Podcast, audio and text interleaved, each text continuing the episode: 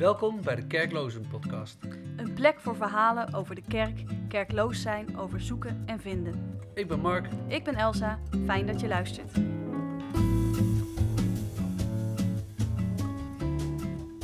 We zitten hier aan tafel met Anthony Ruitenbeek. Ja. Welkom. Ja. Hallo. Superleuk om je hier te hebben, want eh, ja, we kennen je eigenlijk alleen maar van Facebook. Ik heb alleen maar dingen van je gelezen, maar ik heb nooit normaal met je gesproken. Nee, nee, dat, eh, dus bij deze. Ik Ja. had ook geen Ja. idee hoe het eruit zag. Nou, wel een beetje. Dan moet ik zeggen, dat ik wil wel even het verhaal achter de profielfoto weten, want dat ben jij niet, toch? Nou, eh, niet helemaal, maar ik heb, dat, is, dat is mijn bedovergrootvader, de Soaaf. Ik wist ook niet, nog niet zo gek lang van dat ik een bedovergrootvader had die Soaaf was. Hè. En een Soaaf, dat was een soldaat van de paus. Oh joh. Maar het was eigenlijk, ik, ik kwam die foto zo tegen en ehm, ik wist toen nog niet eens van wie die foto was, alleen van een familielid. En ik denk, nou, als ik het zo een beetje op afstand hou, en dat is ongeveer diezelfde grootte als, als zo'n profielfoto, nou, dat is gewoon mijn tronie is dat gewoon. en, en daarom heb ik eigenlijk die profielfoto genomen. Kijk, Ja. mooi. Nou, dat is al heel, heel tof om te weten sowieso. Ja. En eh, ja, jij, jij bent hier omdat wij al eh, vaak via Facebook eh, in gesprek zijn geweest over de kerklozen. Ook over de kerk en over allerlei andere onderwerpen. En ehm, nou, daar zouden we vanavond wel eens even flink over aan de tand willen voelen. ja Op een manier die ja. wat mij betreft wat natuurlijker is dan een Facebook gesprek. Dat is, dat is, het is natuurlijk een face-to-face conversatie, is natuurlijk altijd, want je ziet ook dingen bij elkaar hè, die je gewoon in een, in een platte tekst eh, niet, niet ziet. Nee. Ja. Nee. ja, en het is complexe materie. En als je dat Ja. probeert te vangen in een paar woorden, weet je, moet je het altijd inkorten. Dus minder subtiel zijn. Dus kom je Ja. altijd over als een botte zak. In ieder geval ik. Wat weet jij Ja, er nou, nou, van, dat- Mark? Ja, ik weet het. Ik heb, ik heb er zelf nooit last van. Maar, eh, Oh, maar ik, ik ken er alles van, want dat Oh. heb ik zelf ook. Dan denk ik weer van, goh, ik ben toch eigenlijk veel te hard geweest.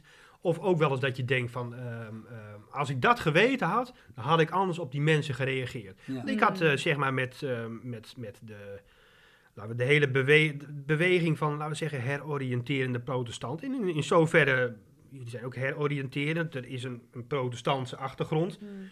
Er zit natuurlijk aan de ene kant ook een stukje eh, verwachtingen van, van een beetje, misschien katholieken van mijn lichting, om het zo te zeggen. Van, eh, nou, als, als die hele tent een beetje openbreekt en eh, de vijandigheid gaat dat weg. Nou, dan gaan we gezellig uh, ecumenen en dat duurt niet zo gek lang meer. En dan zijn we gewoon, zitten we allemaal in dezelfde kerk. En dan gaan ze gewoon weer wat anders uitvinden. Dus daar zat ook een, een, een stukje teleurstelling die ik Mm. ook voor mijzelf ook was. Wat onder woorden moest, daarvan gewaar moest worden. Ja, dat, dat zorgt ook wel eens voor wat, wat irritatie. eh, eh, maar daar hebben jullie denk ik niet zo heel veel van meegekregen. Vooral die arme Almartine Lene, die heeft het daar nog eens wel eens moeten verduren helaas. Wil je daar live nog iets over zeggen tegen Albertine Lene? Nou, we, zou, oh, eh, we zouden ook maar gewoon eens een keer face-to-face Ja, moeten. Dat helpt, ja, hè? Dat helpt wel. joh, ja. dat helpt ook.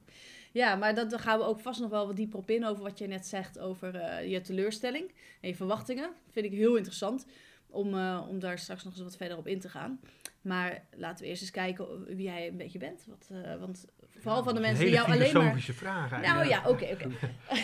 Is- Laten we het vrij praktisch aanvliegen. Want inderdaad, veel mensen die dit luisteren, die kennen jou misschien alleen van Facebook. En dan ga je heel meteen heel eh, uitvoerig in op eh, ingewikkelde dingen.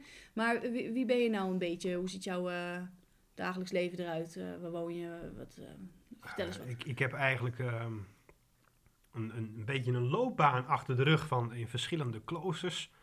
Ehm, tijden gezeten. Ik heb eerst in een ecumenische communiteit gezeten, die is over de kop gegaan. Eh, toen heb ik, eh nou, dat is nog allemaal veel te kort, maar ik heb eh, het bij de Benedictijnen geprobeerd en ehm, die waren mij wat te contemplatief. Hm. Ik heb het bij de Dominicanen, waar jullie nu ook zijn gaan buurten, Mhm. ehm, daar heb ik het, daar heb ik eventjes geprobeerd. maar dat was nog net in de tijd dat, dat ja, zij zaten echt in een, in, nou,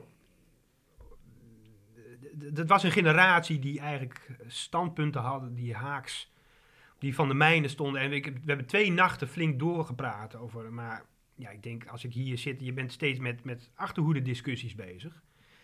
Dus dat werd hem dan ook niet. Maar ik zou denk ik wel een beetje die spiritualiteit hebben. Hè? Van het, het, het eh, aangaan.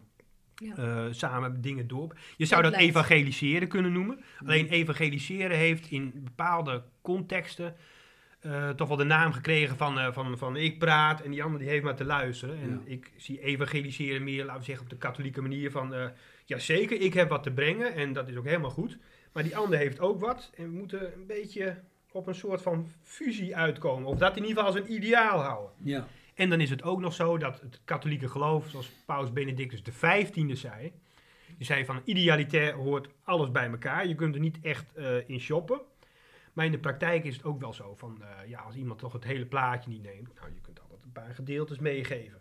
Hm. Hè? Dus dat, Ja. je kunt dat in, in gedeeltes doen. Dat, is, dat zorgt voor andere soortige gesprekken. Ja. Ja. Nou, mooi. En dat is eigenlijk wat ik het liefst doe. En eh, ik heb nog niet, ik weet nog niet goed in welke vorm ik dat ga gieten. Maar ik doe nu een theologiestudie. En het mooiste eigenlijk wat ik op het moment doe, en dat, dat is eigenlijk het, het geheim van Soesdijk zo gezegd. Maar dat, dat, ehm, dat is wat achter de schermen plaatsvindt. Dat ik in de loop der jaren door alle discussies, ik heb gewoon eens gekeken van waar gaan alle discussies mij brengen. Er zijn er toch vaak mensen die, eh, laten we zeggen, in de vertrouwelijkheid mij benaderen om eens een, een bepaald theologisch vraagstuk, of, of snijvlak van theologie, maatschappij enzovoort, dat is helemaal eh, uit te analyseren. Hm. Eh, er zijn dan vaak opiniemakers, zijn denk ik het grootste deel ook protestanten. Hm. En dat is eigenlijk waar nu het meeste tijd in gaat zitten. En dat, dat vind ik in die zin wel fijn, want ik, ik, ehm, ik vind het belangrijk, laten we zeggen, dat bepaalde ideeën de wereld inkomen. Maar ja, ik, ik ambieer het zelf niet om, om zelf opiniemaker of wat dan ook te zijn. Dus ik, het Ja. liefst beïnvloed ik de opiniemaker. Ja, je bent een soort eh, hulplijn, zeg maar. Graag. En als Ja. iemand als kop eraf wordt gehakt, dan heb jij gewoon geluk. Want Ja, ze weten niet dat jij erachter Was zit. het me, ja. Juist. Wat een heerlijk comfortabele positie. Nou, ergens wel. Dat gaat vanavond niet gebeuren natuurlijk. Hè? Nee, dat snap je zelf ook wel. Nu ben je zelf aan het woord. ja. Maar joh, ehm, kerklozen zitten we nu. Ja. Ehm, En daar vind jij wat van. Ja, ik moet zeggen, eh, nou, het was nog zelfs zo van, van dat het een, een concept was. Eh, kijk, we hebben er intussen wel wat, wat dingen uitgewisseld en zo eh, in de loop der tijd, hè, via Facebook enzovoort. Maar ik denk van, van ik zeg niet eens van, wat, wat vind ik ervan, maar dit, is bijna absurd. Gewoon bijna letterlijk niet, niet te begrijpen. En dat komt eigenlijk denk ik hierdoor, want ik zit natuurlijk, zou je kunnen zeggen, ideologisch gezien zit ik helemaal aan de andere kant. Ik denk, hoe meer kerk, hoe beter. En, en de kerk, wie zit erachter? Hè, wat zelfs, zelfs in het protestantisme wordt dat soms nog wel eens een beetje wat losgekoppeld, maar in het katholiek geloof, eh, ehm, zeker van mijn, eh, van mijn slag zeg maar, dus ja, wie heeft die kerk gegeven? Nou, God. En die houdt het ook een beetje bij elkaar, dit en dat. En het is natuurlijk ook wel... eh, je zou kunnen zeggen, het is een geloof, maar het is toch opmerkelijk dat het is veruit de grootste, het is veruit de oudste en het is veruit de meest aangevochten concrete organisatie op deze wereld. Mhm. Nou ja, en ook als God daar niet achter zou zitten, dan, dan zou ik... Voor mij is het altijd een, een keuze geweest, katholiek of atheïst. Ik, ik zou niet iets, zoiets anders kunnen bedenken. Want eh, als, als toch God daar nou niet achter zou zitten, zeg ik, nou, dan had hij het beter moeten doen. maar dus, ehm, voor mij blijft dan wel zeg maar, de basisvraag van... ehm, eh, kijk, als we dus... ehm, ik begrijp dat de doelgroep van de kerkloze podcast... zijn toch veelal, laten we zeggen, christenen... of toch in ieder geval mensen die, die een geloof hebben van... eh, dat we te maken hebben met een God die betrokken is op ons. Hè? God is niet een soort van, van, van een kracht of een onbewogen beweger of zoiets. Maar meestal hebben ze zoiets van...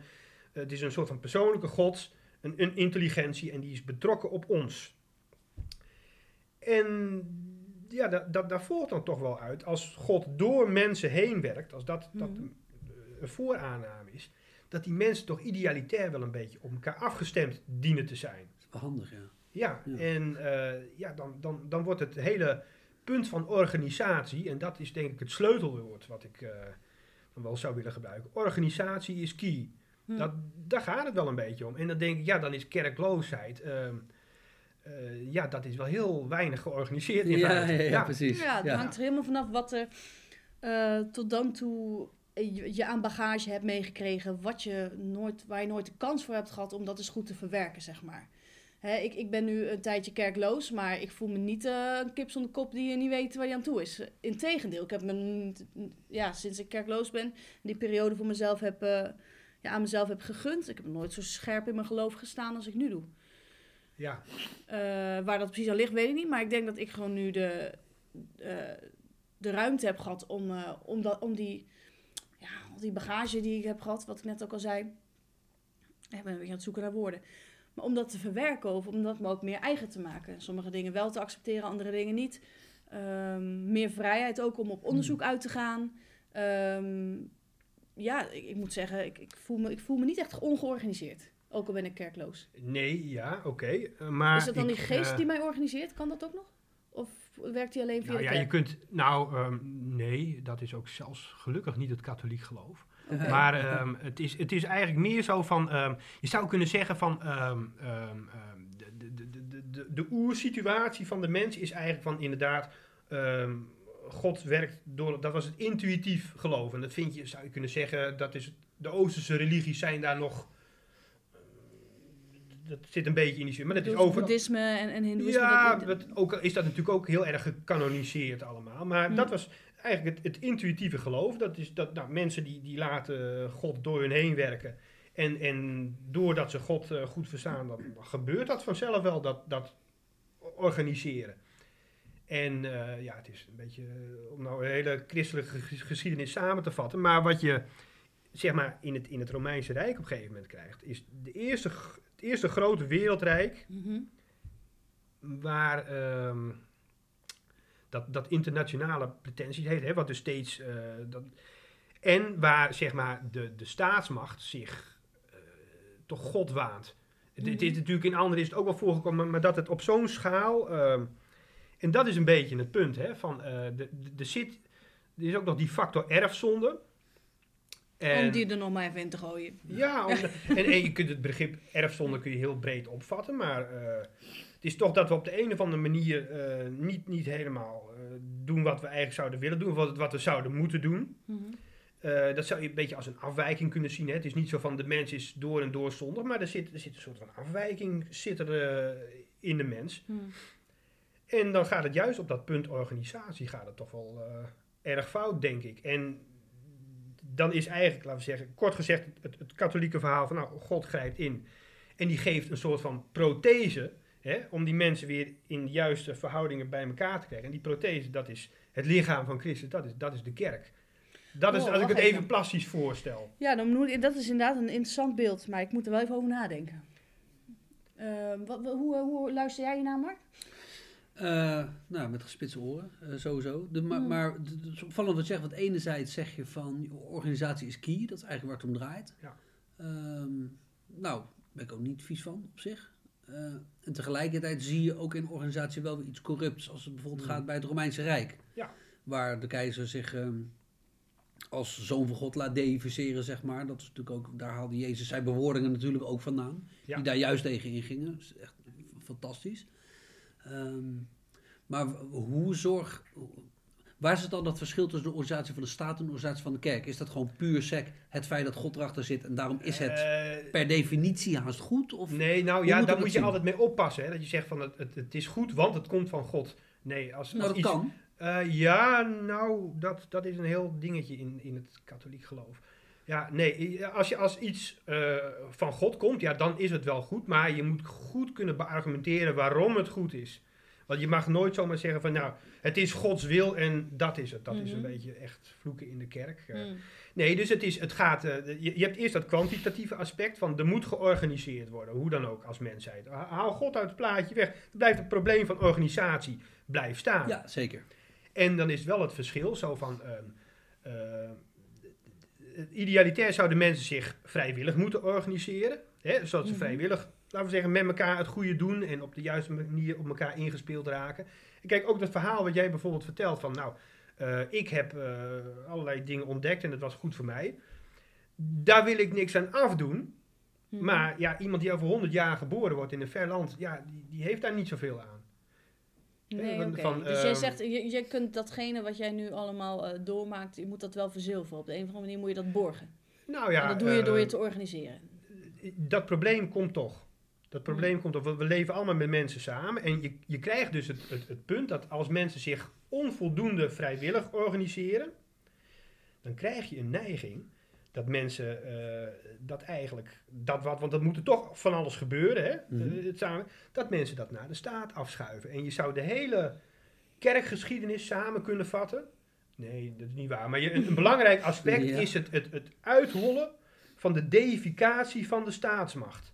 En je Oh, ziet dus Ik zou wel eens een enquête willen, willen houden van, ehm, de- van de- onder mensen die, die, die kerkloos zijn. Die zeggen, oké, maar wat, stem jij dan bijvoorbeeld? Of, of ehm, eh, Nou, dan hoe, hoe, denk je? nu op reageren. Ja. Naar aanleiding van deze podcast mogen ze allemaal reageren. Ja. Stemmen. Maar, maar maak je zin af. Nou, van, eh, omdat dat probleem van organisatie blijft bestaan. En je ziet bijvoorbeeld vaak in, ehm, eh, laten we zeggen, je hebt de, de, de remonstranten is een goed voorbeeld. Hè? Die zijn wel georganiseerd, maar die zijn laagdrempelig Ja. georganiseerd. En dan is het- Laagkerkelijk, Ja, en allemaal eh, overleggen en dus heel veel respect voor mensen met andere meningen. Dat is, dat is ook iets waar we van, allemaal van kunnen leren. Daar wil ik ook niks aan afdoen. Mhm. Maar je ziet toch dat, dat veel van die remonstranten, ja, ze stemmen allemaal links. Gert Verderrie. Nou ja, zeg. Nou joh. We maar je krijgt een dus, ehm, aflevering over opnemen. maar je krijgt dus toch een tendens van dat als, eh, ja, als mensen dus zich dus onvoldoende eh, vrijwillig organiseren, ergens wordt dat weer gecompenseerd. Dus nou, dan, dan moet de staat het op de een of andere manier opknappen. Hm. Maar dat is erger, want eh, als het via de staat gaat, hè, dan, dan heb je te maken met onwillige andersdenkenden. En terwijl, terwijl, terwijl mensen die georganiseerd zijn, ja, dat, dan hoop je dat ze toch zoveel mogelijk vrijwillig eh, he- he- het goede doen. En dat is ook een tendens die je in Ja, het... ik eh, ga je zo even pauzeren. Pak, pak hem straks weer op. Het is ook een tendens. Die. Maar ik heb je nu een aantal dingen al horen zeggen waarvan ik denk, wacht even, die moeten eerst nog even landen voordat ik daarmee het is verder compact, kan. hè? Compact, het is heel ja. compact. Je had het over het uithollen van de deificatie van de staat. Ja. Ja, Klopt dat? Die ja, wil ik nog uitgelegd. ja, En ik wil dat je te maken krijgt met onwillige andersdenkenden. Ja. Dat, die twee dingen, daar kan ik nog niks van maken. Nou, eh, zeg maar, de, kijk, wat je dan wat je, eh, krijgt, hè, als, als die factor kerk, als dat minder wordt, als dat, als die, dus die vrijwillige organisatie. Nou, er zijn toch van allerlei problemen in de maatschappij. En je zou kunnen zeggen dat, dat er überhaupt steeds meer noodzaak is met alle problematiek in de wereld, die ook steeds meer vervlochten raakt met elkaar. Dat er meer noodzaak is aan organisatie. Nou, wat, wat, wat, wat krijg je dan? Dat mensen, zeg maar, ehm, die zeggen, nou, nou staat, los het maar op. Mhm. Eh, we geven jullie macht. Eh, hè, doe er maar wat mee. Ja. En dan kun je allerlei vormen krijgen van dat, dat eh, de rol die eigenlijk misschien aan God toebehouden is, dat men in praktijk zegt van nou, misschien is er wel iets van een God, maar eh, praktisch gezien staat, Ja. jij, eh, jij bent eigenlijk God. Ja. Jij moet doen wat God zou moeten doen. Hm.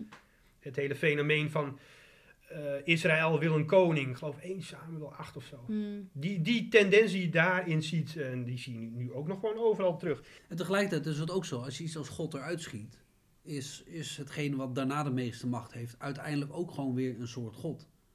Ja. En heel veel mensen hebben het dan, ja, maar wie heeft God dan gemaakt? En dan denk ik, nou, als God dan gemaakt is, is dat uiteindelijk weer God. Want dat is uiteindelijk hetgeen met de grootste macht of de grootste waarde. Of, weet je, je kunt uiteindelijk eh, God en de staat, alles kun je eruit schieten. En vervolgens loop je als een eh, soort eh, wolfpack loop je door het bos. Nou, op dat moment is je familie is God. Weet je wel? Dan is dat het allerbelangrijkste wat er is. Dus het is niet eens zozeer denk ik een verlangen van ik wil dat. Het is bijna ook gewoon een logisch vervolg. Van iets moet de top van de piramide zijn. Ja. Nou, als je de top van de piramide eraf slaat, dan is een ander punt wel. Er is altijd een hoogste punt. Ja, Nederland ja, heeft ook ja. een hoogste punt. Nou, kijk, teken voor, maar het is wel het hoogste nou, daarom is natuurlijk ook dat, dat he- die, die vraag, hè, dat bijvoorbeeld vanuit de atheïstische hoek, dat zegt van ja, wie heeft God dan gemaakt en hè, die, die eindeloze regressies hebben. Het is, het, het is wel een logische vraag, het komt natuurlijk ergens, ergens uit voort. Ja. Nee. Maar ik, ik wil even terug naar, naar eh, het Romeinse Rijk, want toen had ik daar een gedachte bij. Eh, jij zei, da- daar is toen iets gebeurd. De katholieke kerk is daar toen ontstaan, toch? Als een soort, eh, je noemde het een prothese. Ik weet dat er een, een stroming christenen is die ziet, die ziet wat er destijds eh, is gebeurd in het Romeinse Rijk en in de staatsgodsdienst die er toen ontstond, als een soort knieval. Als een Ja, soort kijk, corruptie van wat het, het pure christendom was, Ja. namelijk de huisgemeente. Ja. ja, nou, en daar ben ik wel ja, benieuwd naar, want een huisgemeente, dat was echt, dat, als je het hebt over organisatie, nou, dat is een vrij minimale organisatie. Het is een mythe. Nou, prima, Ja. daar wil ik het zo over hebben, ben ik Ja. heel benieuwd naar, want dat is, wordt wel door heel veel mensen zo ervaren, Ja. van, ehm, dat dat organisatie, die hele instituut en al die eh, hiërarchie, hiërarchie en, eh, en die kleding en die, weet ik het, wat allemaal, die, die kathedralen en die geld. Ik zou aan dat soort mensen die zo Ja, denken, zou ik willen... Ja? ja, het mag ook zo, maar ik wou even mijn zin afmaken. Dat, daar, daar, ziet, daar ziet men dus iets, iets corrupts in, iets wat, wat, wat verloren is gegaan. En ehm, ja, waarom niet dat eenvoudige? Waarom niet die huisgemeente? Wat is, dat, is, dat was toch het begon. En dat had heel veel kracht, want het, werf, het werfde als een malle. Er kwamen elke dag hoeveel bij? God voegde elke dag aan ze toe, stond er. Nou, dat Ja. kunnen de katholieken tegenwoordig niet zeggen. Met Nou, alle in- respect. In, Nederland.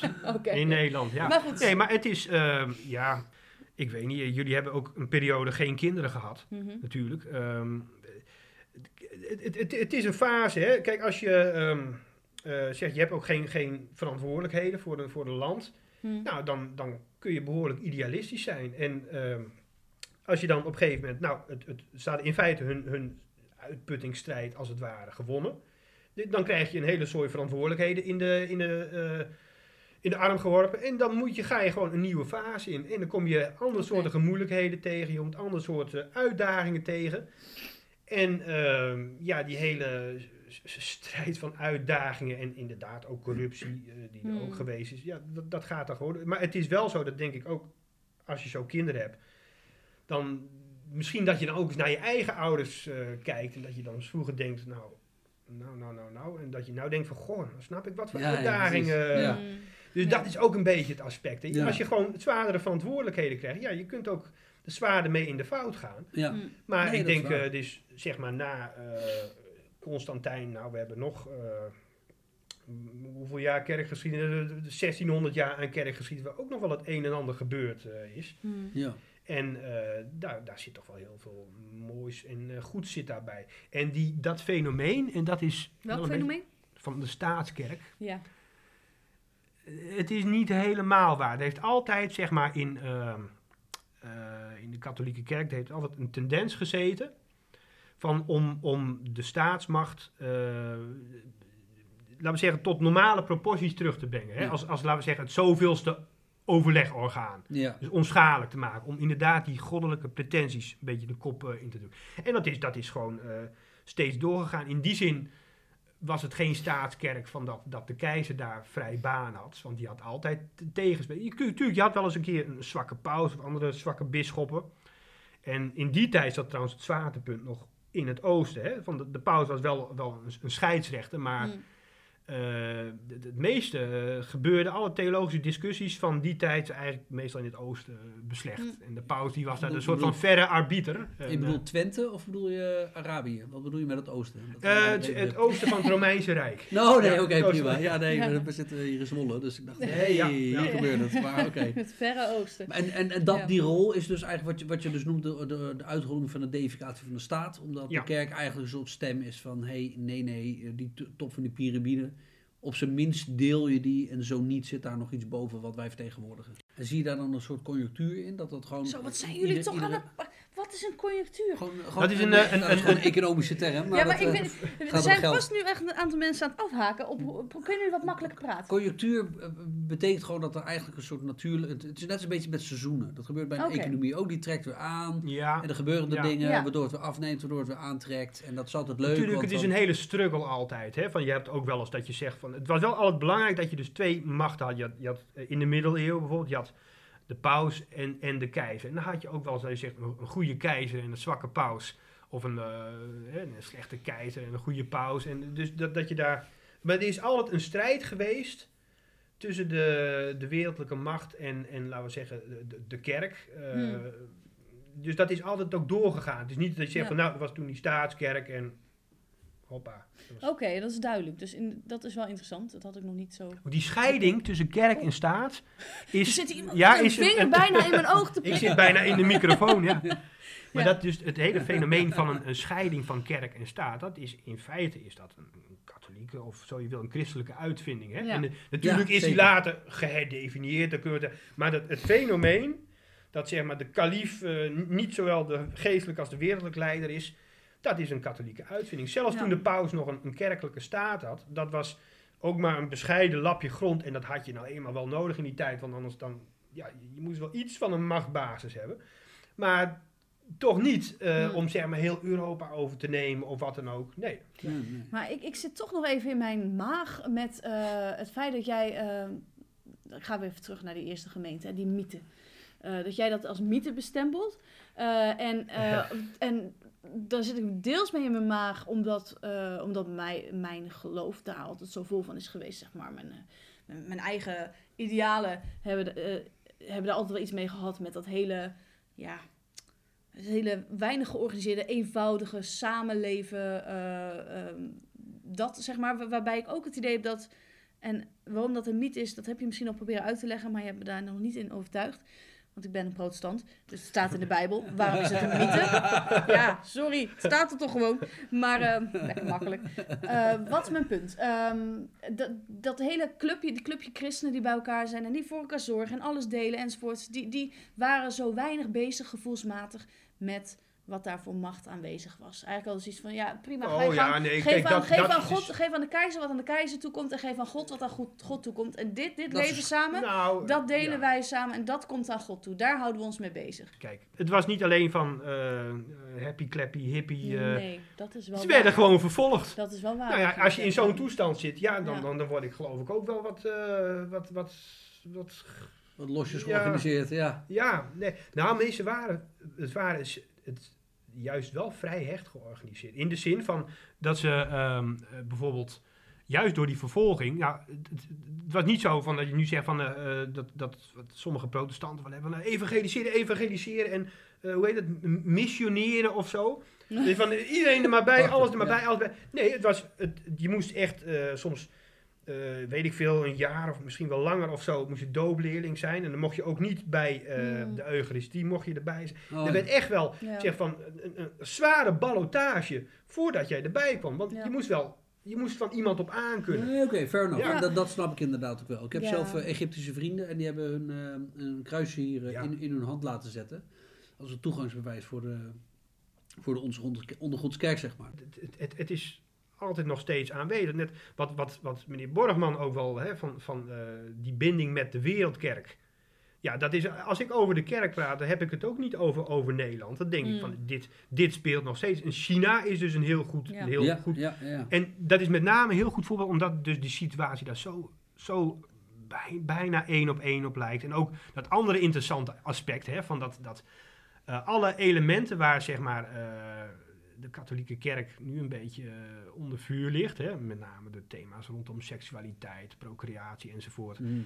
Dat is zowel in het Romeinse Rijk, en dan kan ik, ik kan het boekje van Rodney Stark, The Rise of Christianity, Oh, die kan ik, eh, daarvan, dat is een sociologische studie waar, ze geprobeerd, waar hij geprobeerd heeft om die, zeg van, nou, maar hoe zat het nou praktisch in elkaar? En niet die Hmm. zweefverhaaltjes, maar hoe Ja, zat het nou precies. praktisch in elkaar dat nou zo'n kerk groeit?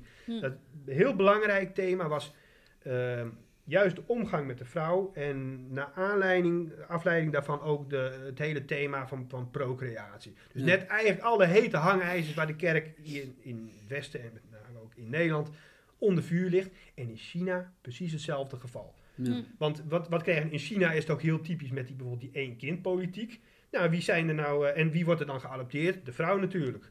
Zo gaat dat. Ja. Maar wie, wie, waar, waar zijn nog wel Chinese vrouwen te vinden? Bij de christenen, want die Hm. konden dat niet. Dat, die konden dat van Je hun zei geloof niet doen. geaborteerd, denk ik bedoel. Hè? Ik dacht dat ik geadopteerd hoorde. Oh, Nee, ik dacht, geaborteerd. Ik zat al heel hard na te denken Ja. van wat bedoel Nee, je nou? precies. Geaborteerd. Maar inderdaad, ja, Ja. oké. Dus je krijgt straks ook, en dat had je in het Romeinse Rijk ook, een, een soort van demografische val. Hè? En eh, dat, dat, zo'n demografische. Wij hebben wel zeggen van ja, overvolking, moeilijk, moeilijk, moeilijk. Wat nog veel lastiger is, is, een, een, is onderbevolking. Dus een demografische val. Omdat een economie is een soort van jasje. Dat, nou, daar weet je er misschien meer van dan ik. Maar het is als een jasje zit het om een maatschappij heen. Als je dan in één keer tamelijk snelle... En, en, en één kind politiek is echt een Ja, ja, demografie. ja. Nou, dat, dat is allerlei problemen veroorzaakt. Dat met allerlei instabiliteit. En dan, dan zijn de christenen daar nog eh, verhoudingsgewijs het meest georganiseerd. Ja. En ook in het Romeinse Rijk, het hoeft maar 10% te zijn. Mhm. Het zijn sowieso trouwens altijd, laten we zeggen, kleine minderheden. T- 10% is een mooi aantal. Hè. Een negatief voorbeeld is natuurlijk dat slechts eh 8% van de Duitsers was nazi. En slechts misschien 8% van de nazi's was fanatiek. Maar ja, die gaan wel de toon aan. Ja, het zijn dus- altijd kleine minderheden die, die de toon Ja. aanzetten. Niet, Ja. niet zoiets als de zwijgende meerderheid, want die bestaat niet in dat opzicht. Dus dat, eh, Ja. maar ik snap dat idealisme wel. Maar je kunt het. ehm, Eh, het is dan niet, ik vind dat zelf niet het interessante, maar die kernen zijn er altijd Ja. over de hele wereld. En het, het- voor mij is dat gewoon één, ja, één organisatie. Zo, mij, die katholieken, dat, dat is één club. Ja. Eh, dat is de frontlinie. Maar als je zegt van in Nederland, ja, eh, ehm, bijvoorbeeld de kloosters. Hè, van, ik had wel eens een keer dat, dat, dat gedichtje van Gerard Reven gedeeld. Zo van, ehm van Zuster Immaculata. Dat Ik zegt ken me hem niet. Nee, dat Nee. van... ehm, eh, nou, ik weet hem even niet. Maar het kwam er eigenlijk op neer van... eh, er komt er weer eens iemand op tv met een mening, dit en dat. Terwijl zuster Immaculata al 34 jaar de billen was. Oh, Ja, ja, ja, ja, ja. ja, rings a bell. Ja. Ik denk ook van eh, dat, dat, dat... Het is natuurlijk een, in die zin... d- Er wordt niet mee geadverteerd, hè, zoals toch wel... ehm, ja, sommige evangelisch-christelijke eh, geluiden misschien, hè, van, van dit is eh, het ware christendom en dit is het echte... Hm. Eh, daar gebeurt het gewoon en daar hoor je gewoon niet zoveel van. Ja. Ja. Dat is natuurlijk ook wel een stukje. En nederigheid hoort er ook wel bij. Ja, ja, ja. En, Ja. En, en dat in het normale eigenlijk het, het, het, het bijna het hele leven zich afspeelt. En dat dat, dat uiteindelijk eigenlijk meer werkelijkheid is dan, dan alle pieken Ja. en zo, zeg maar. Maar ik zou er nog wel iets aan toe kunnen voegen. Misschien wel een puntje. Want ik had er laatst met iemand anders ook een discussie over. Dat was iemand die, eh is ook een christen. En ehm, ja, die zat eigenlijk zo. Die zegt van nou, ehm, ja, die mensen die, eh, want er zijn nog steeds overal christenvervolgingen uiteraard. Zeg van ja, en ik zit met mijn problemen en dan is het ook nog eens een keer zo, van dat hun zwaarder moeten lijden. Ik zeg ja, zo kun je dat niet helemaal zien. Want die mensen die weten waarvoor ze lijden, Hm. die weten waarvoor ze ontberingen ontstaan. Dus, dus die mensen hebben op een bepaald vlak misschien makkelijker als jij nu Mm. met je twijfelt. Ja, Ja. dat Ja. heb ik met mijn kinderen bijvoorbeeld. Als die zich niet gedragen of vreselijk zitten jengelen de hele dag, dan kan ik dat echt niet leiden totdat ik dat, dat er eentje over, over zijn nek gaat aan het einde van de dag. Dat je denkt, oh ja, dat kind is gewoon ziek. Ja. ja. ja. En ineens hou ik van het kind en zorg ik ervoor en doorsta ik alles. Ja. Maar dat is heel typisch. Ja. Zo werkt dat. Kijk, en Corrie ten Boom hield het uit in eh, Auschwitz, of heeft ze gezeten, geloof ik? En op de concentratiekamp. Nee, Ja, nee, ja dat weet je, ook is, ook niet echt een Nee. pretje. Maar dan heb je een soort perspectief wat het, wat het blijkbaar Ja. op een bepaalde manier draaglijker maakt. En het maakt, het, Dan het al maakt die de eh, zaken simpeler. Het ma- als de Ja. tegenstellingen helder zijn, dan, maak, dan worden de zaken ook Ja, maar dat simpeler. is ook zo. Ja. dat is net Ja. als dat iemand doodziek is en eh, zelf ineens heel helder heeft waar het om gaat in het leven. Zoals iemand Ja. meegemaakt bij ons op het podium in de kerk. Die eh, in de laatste fase van zijn leven zat omdat hij kanker eh, had. Jonge vent. Jonge vent, jong gezin. En die ineens een verhaal zit te houden van... joh, hoe vreselijk ik, ik het ook allemaal vind. Ik had het niet willen missen. Want dit heeft me een soort van de ogen geopend. Ja. Waar, waar ik vervolgens me afvroeg van wie is hier nou eigenlijk ziek? Ben jij het of zijn wij het? Ja. Want Ja. eh, dat is toch eigenlijk wat, hè? Dat je daar zo vreselijk ziek moet worden om, om zo helder voor je te zien waar het eigenlijk om gaat. ja, daarom denk ik Ja. dat het vervolg. Is dat, ja, zeker. Is dat, ook, is dat ook iets wat de kerk misschien nu door, doorgaat? Ik bedoel, de kerk staat er ook niet altijd Eh. florissant voor. Kunnen we, kan ik dat lijntje doortrekken? Ehm, Eh, nou, Geef ik, het even ik- de tijd, die gedachte. Je gaat er meteen op in. Maar ik wil eigenlijk echt gewoon, ik wil gewoon echt heel graag weten of dat een mogelijkheid is.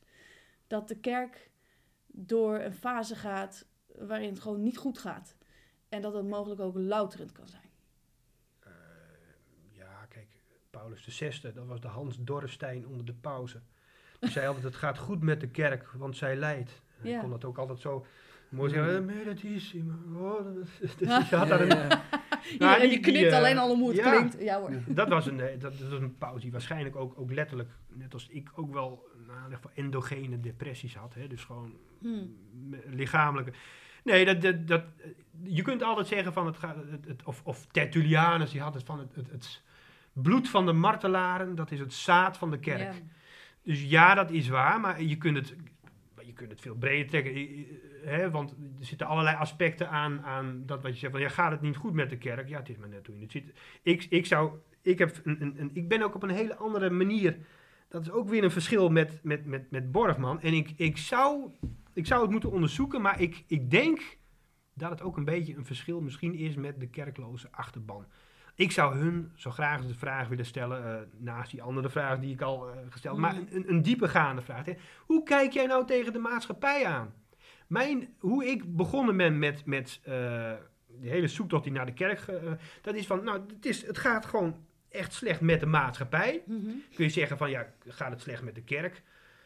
ja, het is maar net hoe je er tegenaan kijkt. Ja, Ja, ja. Je, je kunt dat zeggen, maar aan de andere kant kun je ook zeggen van de instroom in de katholieke kerk is, is nu lijkt stabiel te zijn. Er zijn, eh, om een cijfer te geven, er zijn elk jaar worden ongeveer duizend mensen volwassen bekeerlingen. Hè? Dus Mhm. dat is een beetje een zuiver cijfer. Worden duizend eh, volwassenen worden katholiek. Ja. Eh, en die instroom is al jarenlang stabiel. Ehm, en natuurlijk heb je dan eerst nog ja, die top, wat, wat af gaat sterven, hè, van, van demografisch gezien. Dus dan kun je zeggen, ja, gaat, gaat, het, gaat het slechter? Ja, dat wordt dan slechter.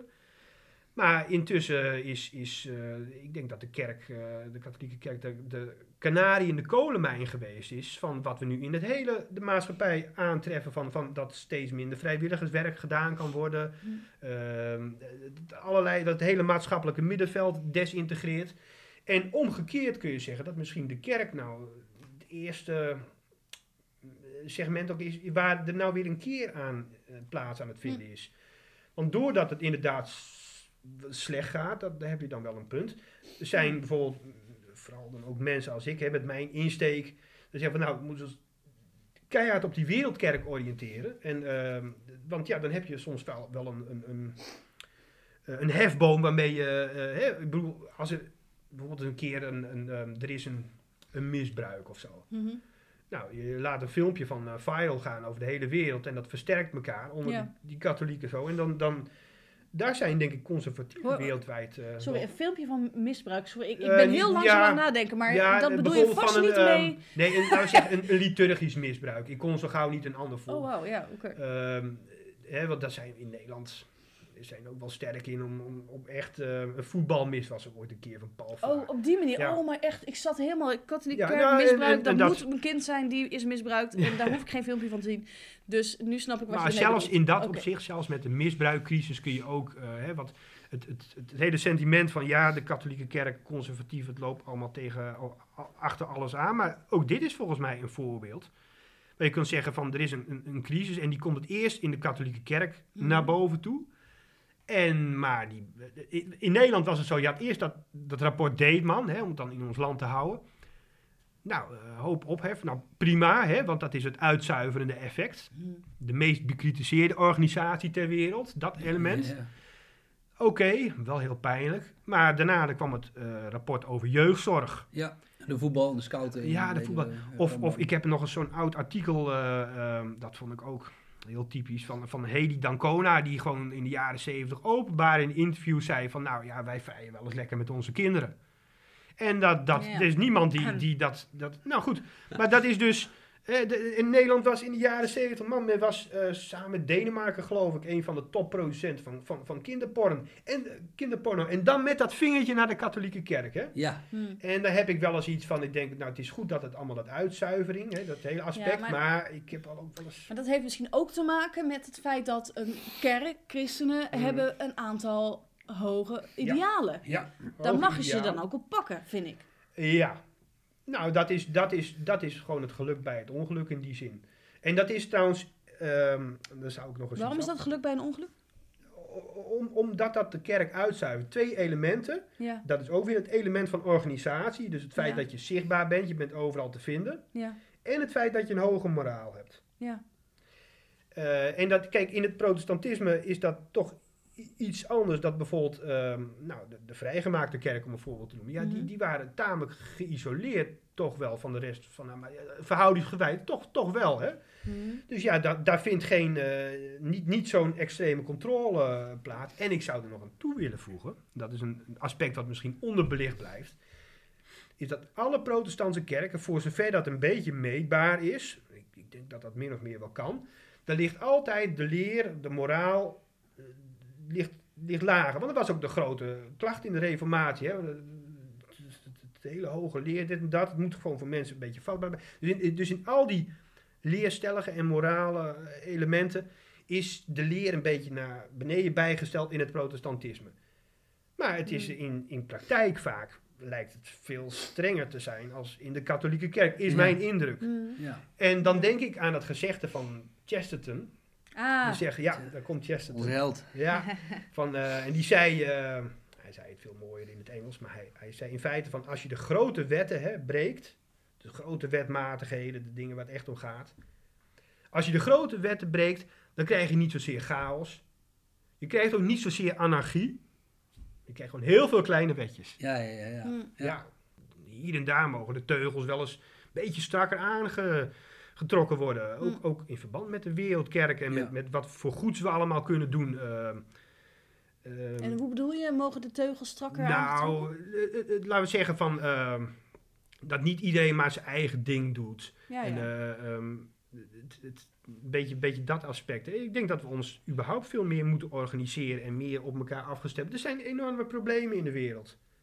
En Mhm. ja, die, die vragen een, een iets wat meer gecoördineerde eh, aanpak. Ik, ik hoor je interessante dingen zeggen over die, eh, weet je, die vroege huiskerk. Die allemaal een beetje Jesse Klaverse konden spelen, zeg maar. Idealistisch eh Klaver. roeptoeteren zonder zelf verantwoordelijkheid te nemen. Ah, doe niet zo flauw. ah, dat is precies wat er gebeurt. Ach, Houd op. nou, Gaan we het ook een keer over Nou, hebben. graag. En, en da- daarna kwam die kerk ehm, in meer georganiseerde vorm. En je hebt dan misschien daarbij ook het risico dat als het een hele grote organisatie wordt, dat top dan te veel gedeificeerd wordt, zeg maar. ehm, Denk ik. mm, Ja, kijk, er is natuurlijk... Vergoddelijkt, ja. Ja, ja, ja. Eh, dat, nou, dat is natuurlijk wel de, de, de klassieke aanklacht een beetje geweest van, van de Mhm. protestanten in de tijd natuurlijk. Ja, Ja, ik weet het niet. Ik denk dat een Luther veel meer macht had als de toenmalige paus. misschien wel. Ja, ik, ik, maar ik, ehm, niet, niet zozeer organisatorisch. Maar, en, en dan kom ik eigenlijk op de, op, op de vraag waar het me dan om zou gaan. Hoe zie jij dan de rol van de kerk? Als je inderdaad zegt van ja, het is niet alleen maar dat met elkaar een beetje bij elkaar zitten en broodjes eh, eten, wijntjes drinken en eh, gezellig. Maar we hebben ook een wereldkerk. Ik denk, en ja. organis- organisatie is belangrijk. Ik bedoel, ik denk dat... zou het dan de taak van de kerk bijvoorbeeld zijn om, even heel plat hoor, maar bijvoorbeeld ook snelwegen aan te leggen en ziekenhuizen te bouwen? Nou, het zou de... eh, eh, nou, in...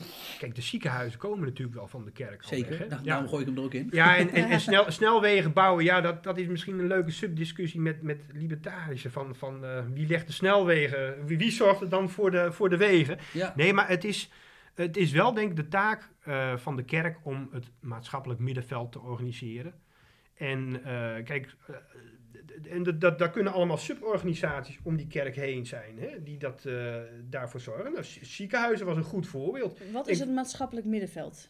Het maatschappelijk middenveld, dat is eh, alles wat niet door de staat en niet door het bedrijfsleven gedaan wordt. Dat is heel versimpeld even het Noem maatschappelijk daar eens een concreet voorbeeld van.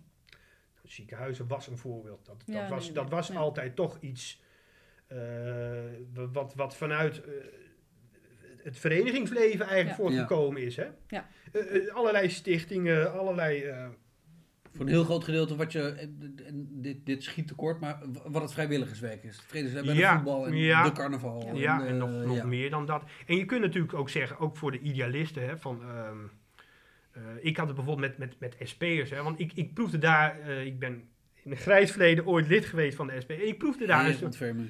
Ja, nee, ja, dat, ik, dat is helemaal waar. Ik, ik, ehm, maar ik proefde daar iets van idealisme. En dat heeft mij toen aan het denken gezet. eh, van ze, hun hadden drie medische centra. En in die medische centra... ehm, nou, dat was echt, echt goede zorg. En daar zaten, ze, daar zaten artsen en die werkten daar gewoon voor een eh, minimumloon. Dus allemaal idealisme. Dat was, dat was echt mooi. Maar ik denk, je kunt ook...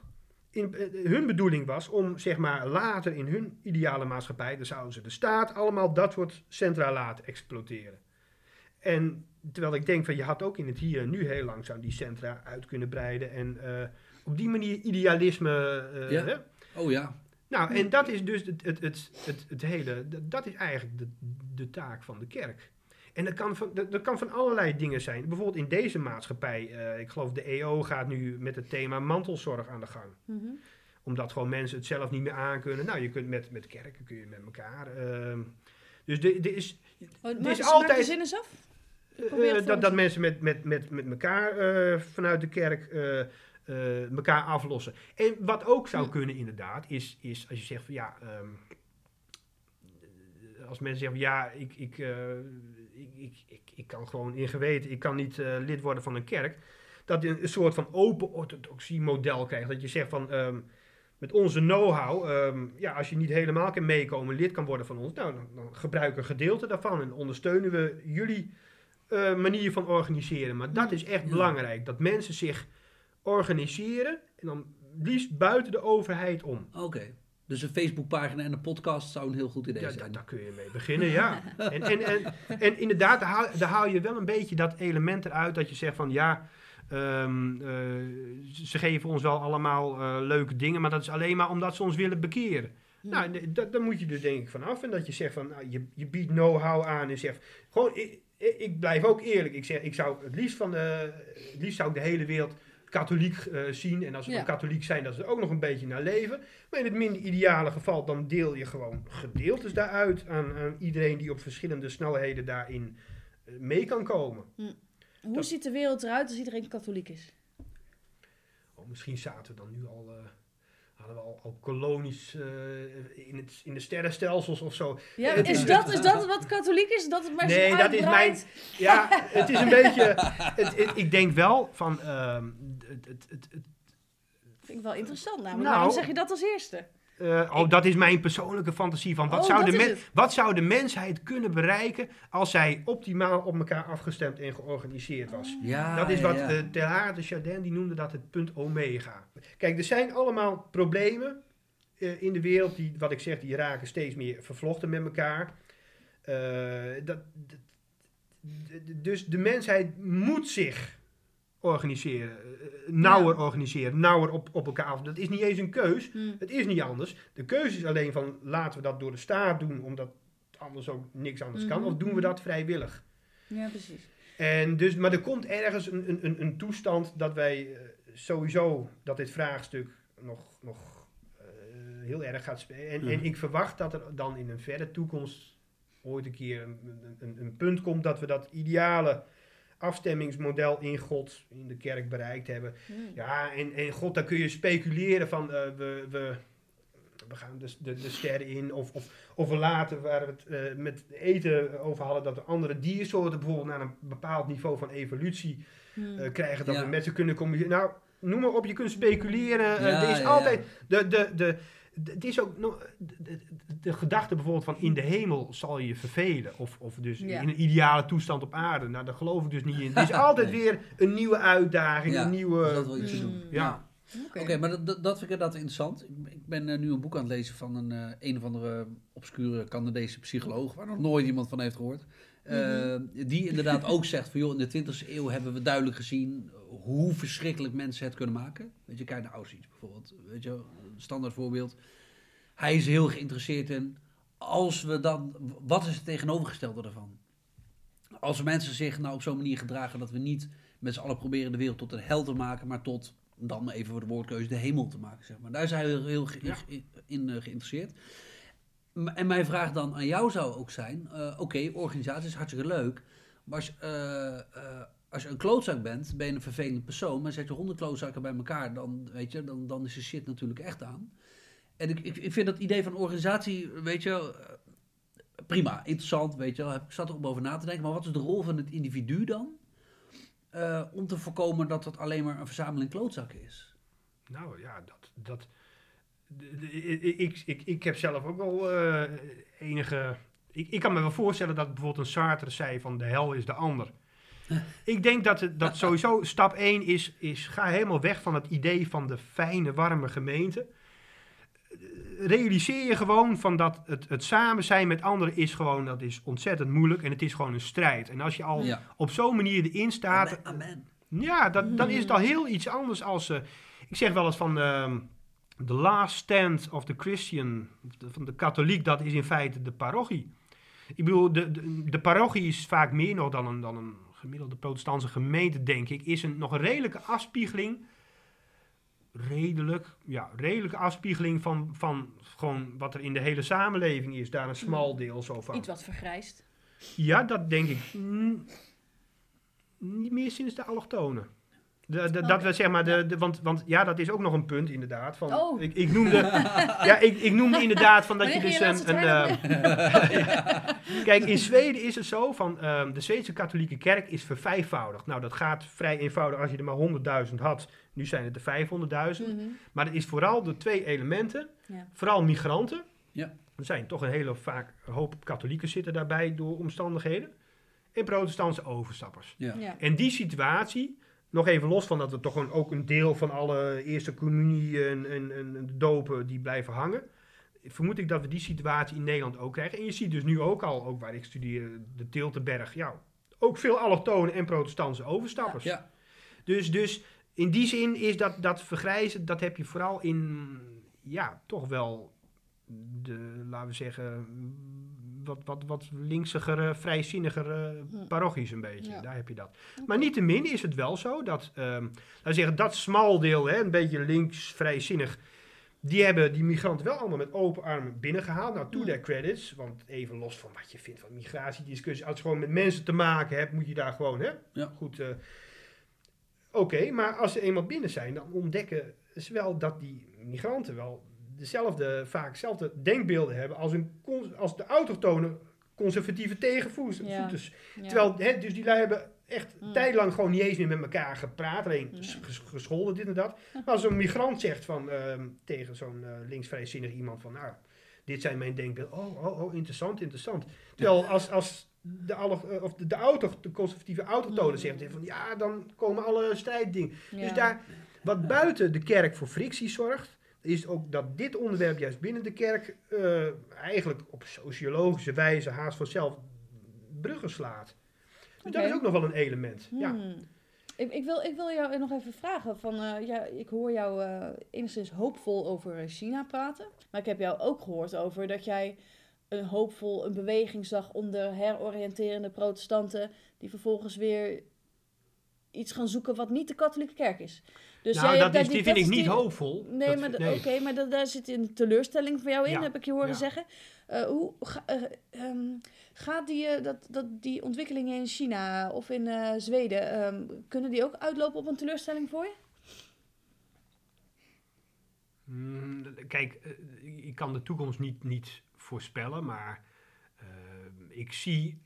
Kijk, ik, ik baseer natuurlijk mijn, mijn aannames wel op bepaalde tendensen die ik kan waarnemen. En eh, nou, als je die tendensen zich allemaal voortzetten, dan kom je op zoiets uit. Maar ehm, er kan natuurlijk altijd een hele grote wijziging komen. Hmm. En die kan ik natuurlijk niet voorzien. Maar ik zie die nog niet. Maar wat gaat er stuk in jou als dat allemaal niet doorgaat? Weinig. Hm. Weinig. Je, kijk, het is van. ehm, kijk, je kunt natuurlijk altijd speculeren van er kan dit gebeuren, kan dat gebeuren. Maar eh, ehm, is altijd iets van geloof en van trouw. Dus eh, ik denk dat je wel reëel moet zijn. ehm, dat, dat stel, er komt een hele grote wijziging. Nou, dan ben ik niet in één keer katholiek af. Hmm. Nee, dat is, dat is toch, ik weet niet, geloof of, of trouw of iets van ja, beide. want dat is dan nog wel een vraag. Want wat als, eh, dat vroeg misschien Mark ook wel over eh, zijn vraag van wa- wa- wat is de rol van het individu? Ehm, jouw geloof hangt er heel erg samen met grote ontwikkelingen die buiten jezelf ook omgaan. Dat lijkt mij heel gezond. Ja, Ja, zeker. En dat is dus ook goed dat je dat zegt en dat je dat benoemt. En, ik, en dat heb ik ook wel geleerd ook van eh, ons gesprek met Erik Borgman en überhaupt van de, onze kennismaking met de katholieke kerk, dat dat heel gezond is. Maar ehm, ik, ik, ik proef heel weinig, en nu ga ik heel vieze, wo- vieze woorden zeggen, persoonlijke spiritualiteit Ja, in dit gesprek. er gaat je niks aan. Is dat echt zo? Ik zou, nee, nou, ik vind, ik vind wel een beetje, ik denk wel eens, ik, ik, eh, ik heb daar ook natuurlijk een leergang. Ik heb dat wel eens echt letterlijk gezegd, een beetje eh, toen ik er in het begin mee te maken kreeg. Maar dan denk ik, god, er kwam er weer zo'n heigerige protestant en zegt, ja, wat is jouw band met Jezus? Ik ga toch ook niet over mijn seksleven met mijn vrouw praten in het Mhm. openbaar. Dat is, dat is intiem. Nou, oké, eh, later begrijp ik, heb ik wel begrepen van, het kan handig zijn... eh, als je mensen mee wil krijgen, nou, dan, moet je ook, dan kun je niet alleen maar bij argumenten houden. Je moet jezelf ook een beetje kwetsbaar opstellen. Mhm. Nou, als het voor een goede doel is, dan stel ik mij kwetsbaar op. Maar ik denk, ja, eh, het is nog steeds zo van, het gaat eigenlijk niet om mij. En eh, wat is nou het hele geloofsleven? Ja, dat is dat je, eh, je moet het een beetje uitzien te houden met de ander. En het liefst dat je, dat je de, a- de, de ander een beetje de goede richting in krijgt. En die ander mag dat ook van mij vinden, dat hij mij een beetje de goede richting in krijgt. Dat, dan, Mm. dan, dan, dan kom je misschien ergens, maar dat is al heel wat. ja, Ja, ik, kijk, ik denk van, ehm, interessant. kijk, het- ik, ik bedoel, ik ga dood.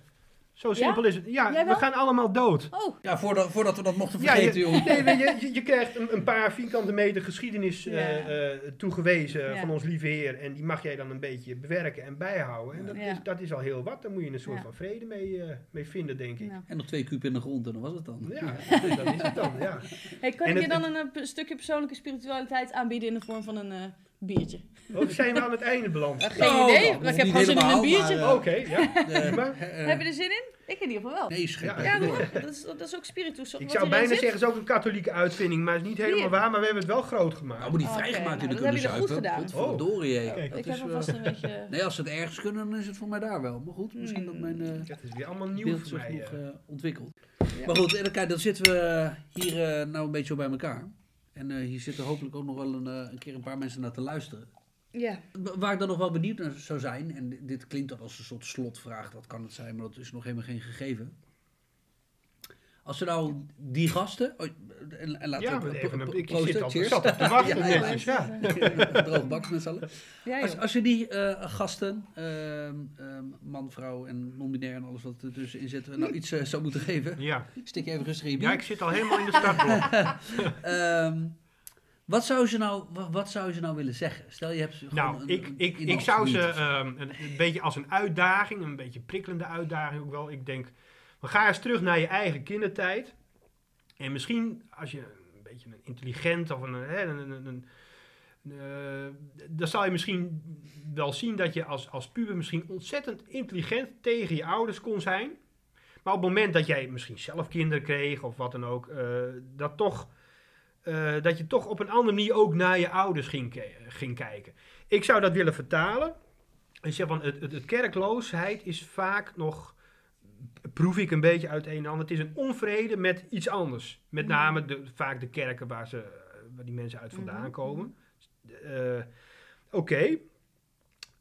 Dan ga eens denken van, van als ik dat, want dat vraagstuk van organisatie, dat heb ik een beetje in de groep geworpen. Zeg, dat is toch een reëel punt. Of je nou wel of, of, of geen christen bent, of eh, wel, wel of geen God in het plaatje. Dat hele vraagstuk van organisatie blijft gewoon staan. Ja, Die zeker. mensen moeten zich organiseren. Liefst niet via de overheid. Nee. Ehm, Hm. dus hoe, hoe, hoe dan wel? En kijk, het, het alleruiterste punt als je zegt van eh, met organisatie in een christelijk, eh, dan is de katholieke kerk is het, is het, het uiterlijke contrapunt dat je zegt van, ehm, nou wij mensen kunnen ons helemaal niet organiseren. Die organisatie is ons gegeven en, en wij, eh, wij mogen daar inderdaad deel aan nemen en wij moeten het maar zien te rooien met die organisatie. Dat is het, het alleruiterste punt in, in Ja. feite. Eh, als je zegt van nou dat, dat gaat met de dat vind ik ook eng. eh, maar, maar hou je dan bezig met die vraag van hoe dan wel? Sowieso is dat altijd goed. De vraag hoe dan wel. In plaats van zeggen van ik wil dit niet en dat niet. Nou, dat is een fase en het is goed hè. Die fase is goed. Op een gegeven moment dan, dan nou, Ga je naar de basisschool en dan... eh, ja, dan, dan kom je die andere fase, dat zeg je, van, oké, eh, dan heb ik dat een beetje afgesloten. Misschien een hoop pijn, dit of dat, zus of zo. Ja. En, eh, Maar dan moet je wel serieus nemen. Zeker. Ja, Ja, ik, Want ik- wat zegt Richard Jordan over eh, ehm, als, als je als je er niet doorheen gaat, dan ga je het doorgeven. Hij heeft daar een hele mooie alliteratie in het Engels. Oh, zo mooi. We hebben hem wel eens op de Facebook gezet van de kerklozen. Nou ja, je hebt inderdaad zo'n zo'n eh, punt van, je hebt een soort ehm, eh, wijsheid en zeg maar, of conventies, of hoe je het ook noemt, die breek je af.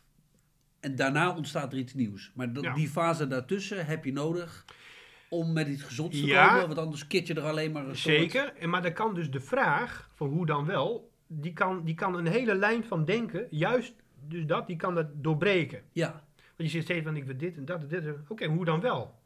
En dat kan ook uit, uit een soort van, van drang zijn dat je zegt van nou, god, ik heb me zo op mijn kop laten zitten. Ik ga het beter doen. Dat is helemaal niet verkeerd. Dat is helemaal niet verkeerd. Laat het maar, geef dat dan maar handen Ja. en voeten. En dan zou ik alleen wel als katholiek toch ik, ik zal bij deze, hè, ik, ehm, ik zal jullie vijf boeken toesturen en die mogen jullie dan een leuk prijsvraagje van maken of zo. Oh, dat oh, is leuk. dat klinkt Ja? als een goed idee. En dat is, eh, dat is eigenlijk wat, wat een, een eh, want we hebben de negatieve verhalen, die kennen we wel, maar Oh, ja. eigenlijk wat de katholieke kerk aan positieve zaken voor deze, eh, voor onze beschaving eigenlijk betekend heeft. Ehm, nou, dan kun je eens lezen en dan kun je denken van hoe, hoe nou, ook als je denkt van na lezing van dat boek, van wij kunnen het beter, nou oké, ga het maar doen, maar dan heb Ja. je een hele andere discussies krijg je dan, Mhm. hele andere gesprekken. Nee, dat geloof ik Ja, inderdaad wel. precies. Ja, dat, Ja. Dat, dat vind ik inderdaad wel interessant. En of je nou inderdaad, want er is er inderdaad het risico van je blijft te lang in die afbraak zitten en dan word je, Ja. wat ik maar even snel noem, nihilistisch. Ik weet niet of helemaal het juiste woord is, maar je begrijpt wat ik bedoel. Eh, of je gaat te snel naar een ander model. En dat gebeurt natuurlijk vaak van die mensen die van, van die hypercharismatische gemeentes komen bijvoorbeeld. Mhm. Eh, ik heb dat zelf ook gehad. Ik ben als atheïst opgegroeid. Opgevoed zou ik niet zeggen, maar ieder geval opgegroeid. En eh, van de ene op de andere dag, eh, nou ja, ongeveer liet ik me dan dopen. En zat ik in de charismatische gemeente, weet ik wat allemaal. Ik heb misschien eigenlijk te weinig tijd genomen om gewoon die, die omslag even te laten zijn voor dat was. En het afbraken van het, het- de afbraak van het oude model even Ja. te omarmen. En gewoon rustig te kijken wat er boven kwam drijven, zeg maar. Ik ben misschien weer met twee gestrekte benen ergens ingegaan. Het Past ook wel bij je. Ja, dat is een beetje mijn aard, maar... eh, Hadden je vrienden ook leuk gevonden als je dat wat eh, dat, langzamer dat, was hadden, aangevlogen? dat hadden zij... Nou, eh, ik moet zeggen van, dat, dat dat, hadden heb ik ook wel een, een, een, een beetje, zeg maar. Eh, en ik, het, ik bedoel, kijk, als je, als je dus in feite socialist... Ik was 15, hè, dat wil ik er even nog bij gezegd hebben. Ja, dat het on the record staat. Laat het maar goed. Ja, Ja. Maar die, die aard die heb ik wel. En het heeft mij geholpen dat, eh, dat de, de, de, de katholieke kerk, dat is toch. ehm, er zijn ook echt gewoon bepaalde grenzen. En het mooie is daarvan, niemand bepaalt die grenzen. Ik bedoel, als jij, je, kunt je, als jij wil, je kunt je helemaal druk gaan maken over dat vrouwen bijvoorbeeld geen priester mogen worden. Mhm. Eh, ik, ben, ik kom natuurlijk ook uit een, uit een milieu, zeg van eh, ehm, gelijkheid, dat is, eh, ja, daar ben je gewoon mee opgegroeid. En eh, weet ik veel, ik heb ook niks tegen homo's of zo. Ik ben er niet vies van. Maar dus, het is, het is, ehm, dan kun je heel druk gaan maken van, ik wil dingen veranderen. En dat was natuurlijk ook eerst, oh, eerst kreeg je de fase van, kan, we dat niet veranderen? Dan probeer je daar allemaal een beetje trucjes mee. En de tweede fase is, nou, kunnen we er tenminste niet een beetje omheen praten, dat iemand anders het over 100 jaar een keer Mhm. en de, de, de fase die daarop volgt is zegt van nou, oké, die hete hangijzers, ze zijn er nou eenmaal. Van het is of het komt van God, en anders had God er wat aan moeten doen. Maar eh, het, het, het, het krijgt grote dimensies. En, en dan ga je dus, eh, dan heb je dus een duidelijke grens. En het is een enorme uitdaging om met je intellect, eh, dat door dat filter, hè, door die grens daar doorheen. En dus, dan is de kerk voor mij echt een tegenover als het ware. Ik heb Ja. mijn ding. De kerk is als een soort van filter, zo kan- zou je het ook kunnen doen. Dat gooi je er daar doorheen. En dan kom je met dingen, dus zeg van, dat vind ik, ik vind het een ontzettend leuke eh, fonds wat ik nou gemaakt heb. Ik had het nooit zelf kunnen bedenken. Ik denk dat we richting afronden moeten. Want Ja, ik want het denk bier dat... slaat dood en onze Oh, neuzen dat beginnen nog. te druppelen. Ja, ja, echt. We zitten hier te snotteren. Ja, we zitten alle, alle, drie in de ziekenboeg. Ja, eh. man. Ja. Ik ben zelf nog een beetje verbaasd dat ik nog een beetje een verhaal kan houden. Want ik dacht eerder van, ik, ik, eh, Want het ging nog behoorlijk snel daarboven, moet ik zeggen. Viel me alles mee. ja, ik, ik, ik, ik hoop dat het inderdaad toch hier en daar een beetje lijn in terug te vinden Ja, maar je eh, denkt was. snel, joh. Je maakt soms je eigen zin niet eens af. Dan ga je Nee, door ja. met de volgende zin. Ik denk in beelden en, inderdaad. en hij stelt ja. een vraag en halverwege de zin- zijn vraag Ja, begin je ja, zijn ja. vraag al te beantwoorden. Ja. Je bent snel, joh. Ja, en als de Zo. luisteraars er niks vinden, dan kunnen ze gewoon hun geld terugkrijgen. Ja, Dus, nee, eh, Maar nee, ik denk Maar wel... het boek wat ik dus eh, via jullie, en dan mogen jullie een leuke Oh ja. vraag, daar gaan we nog even over, over brainstormen. Dat boek, dat heet van, eh, nou de Nederlandse titel weet ik even niet meer, maar dit is een Nederlandse vertaling, die is door de Blauwe Tijger uitgegeven. In het Engels heet dat How the Catholic Church Built the West. Oh ja. Oké. Dus dat is ook meteen, eh, het is een, een hele mooie contrapunt wat dat betreft. Van, ehm, want we hebben ook een hele trits met katholieken die, eh, eh, laten we zeggen, een beetje een, een, een sorry dat we bestaan en eh, weg ja. met ons. En dit, dit boek keert het nou eens een keer helemaal om. Ja. En dat is ook wel eens goed, want alle kritieken, eh, nou goed, dat is goed dat het er is, maar ja, we kennen het allemaal wel een beetje. Ja, en dat, ja. dat zal ook vast allemaal eh, bezig blijven. En dat lijkt me een hele mooie basis dus voor die vraag van hoe dan wel. Ja. Ja. Nou, misschien wordt dat dan wel de vraag. Hoe dan wel? De beste Ja, vijf ja. antwoorden krijgen het boekie. Ik vind het mooi. Ik dat vind het vind ik echt een goed idee. Nou, heb ik ook nog eens een keer wat te Zo. melden. Ah joh, Eh, Anthony, mogen we je hartelijk bedanken. Het was Ja. een zwaar genoegen. een zwaar. Serieus. Nou, ik moet zo heel hard nadenken hoor, regelmatig. Nou, Maar daarom, je ik ga, ik ga je mezelf... luistert de podcast. Ik wou zeggen, ik ga hem gewoon vijf keer terug luisteren. En dan ben ik er wel, denk ik. Helemaal prima. Hartstikke bedankt. Dankjewel voor je komst. Helemaal uit Ja. Heilo, want we hebben dus nooit gehoord uiteindelijk waar je woonde. Ja, bij deze. Heilo. Ja. Hartstikke mooi. Begin met Hoi. Oké, genoeg. Dankjewel. Cheers. Cheers.